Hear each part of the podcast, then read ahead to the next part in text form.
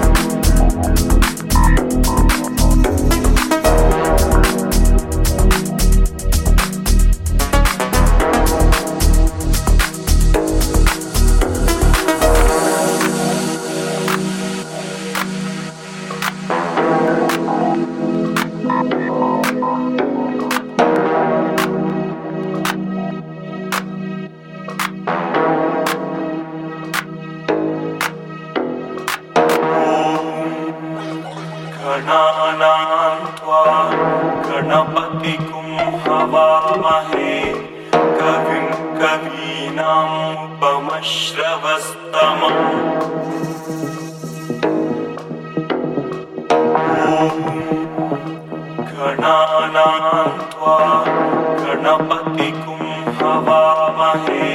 कविं कवीनामुपमश्रवस्तमम्